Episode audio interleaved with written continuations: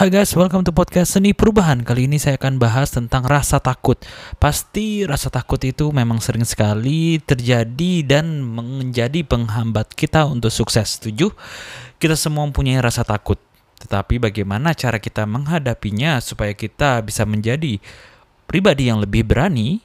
Nah, kali ini itu yang kita bahas kita semua orang pasti punya yang namanya rasa takut. Rasa takut itu akan selalu ada secara naturalnya di dalam diri setiap orang.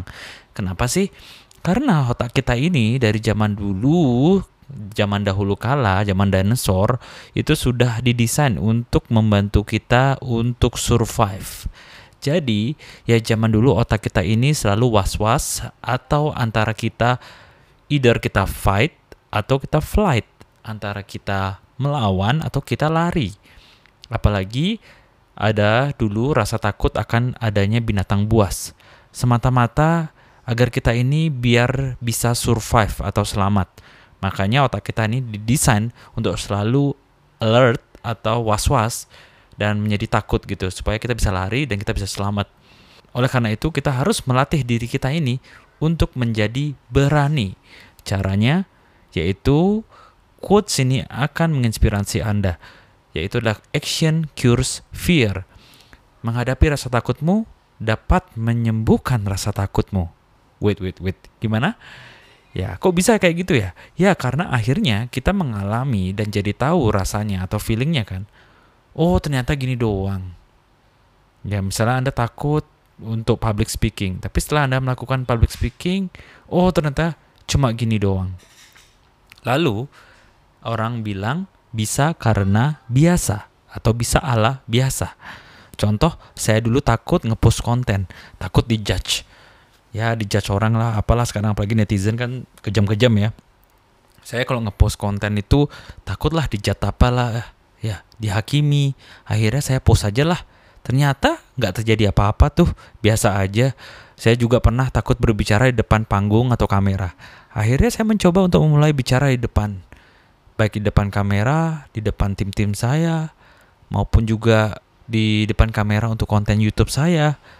Dan selalu dimulai dari langkah kecil pertama. Dan ternyata setelah saya jalani, tidak semenakutkan apa yang saya khawatirkan atau takutkan di awal. Bahkan, apa yang ditakutkan pun tidak terjadi. Jadi buat apa takut ya? Nah, jadi kesimpulannya, feel the fear but do it anyway. Feel the fear but do it anyway. Saya repeat lagi supaya nancep. Ya, rasa takut itu memang tetap ada, tapi ubah aja menjadi excitement. Karena ternyata ciri-ciri rasa takut dan excited itu sama loh. Keringet dingin, deg-degan, mules juga kadang. Sama kayak naik roller coaster lah. Pernah nggak kamu naik roller coaster? Lalu gimana tuh rasanya? Ya, pasti kamu deg-degan, keringet dingin juga, serem-serem sedap gitu gimana. Tapi kamu excited gitu loh ini bakalan seru nih. Takut tapi juga merasa seru dan antusias gitu. Nah kita harus berpikir seperti itu juga. I'm excited I'm excited. Kalau perlu diafirmasikan itu sebelum kalian melakukan hal yang kalian takutkan itu. Kesimpulannya jangan pernah entertain atau menghibur atau membesarkan rasa takut kita dengan berpikir segala drama-drama skenario yang terburuk di dalam otak kita. Tapi sebelum pikiran negatif itu muncul, langsung aja bergerak melakukannya. Menghadapinya dan lihatlah hasilnya. Tidak seperti yang Anda takutkan loh. Just face it. Oke, semoga podcast kali ini dapat membantu Anda untuk menghadapi rasa takut Anda, ya. Jadi, untuk menghadapi rasa takut Anda, Anda harus menghadapinya you have to take action. Karena hanya action lah Anda jadinya bisa merasakan. Dan Anda jadi tahu bahwa itu tidak semenakutkan yang Anda pikirkan di awal. Tidak terjadi apa-apa kok, biasa aja. Ya mau dihujat pun ya udah cuma segitu aja, tidak akan membunuhmu kok, ya. Jadi it's okay, just face it. Ya, be brave. Be brave itu adalah keputusan yang kita harus putuskan karena kita mau melakukannya. Kalau untuk sukses adalah kita harus jualan, jadi jangan takut jualan, jangan besarkan rasa takutmu, tapi besarkanlah mimpimu. Dan kamu akan bergerak. Oke, sebelum rasa takut itu menghantui Anda, langsung aja bergerak.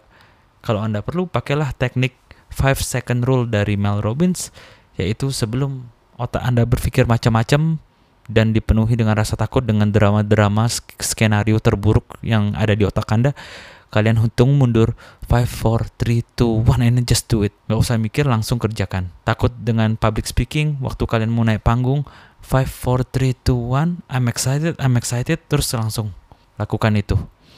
Demi apa? Jangan pikirkan untuk diri Anda sendiri. Misalnya Anda melakukan public speaking untuk memberikan manfaat ke banyak orang. Pikirkanlah apa yang akan mereka dapatkan dari pesanmu itu.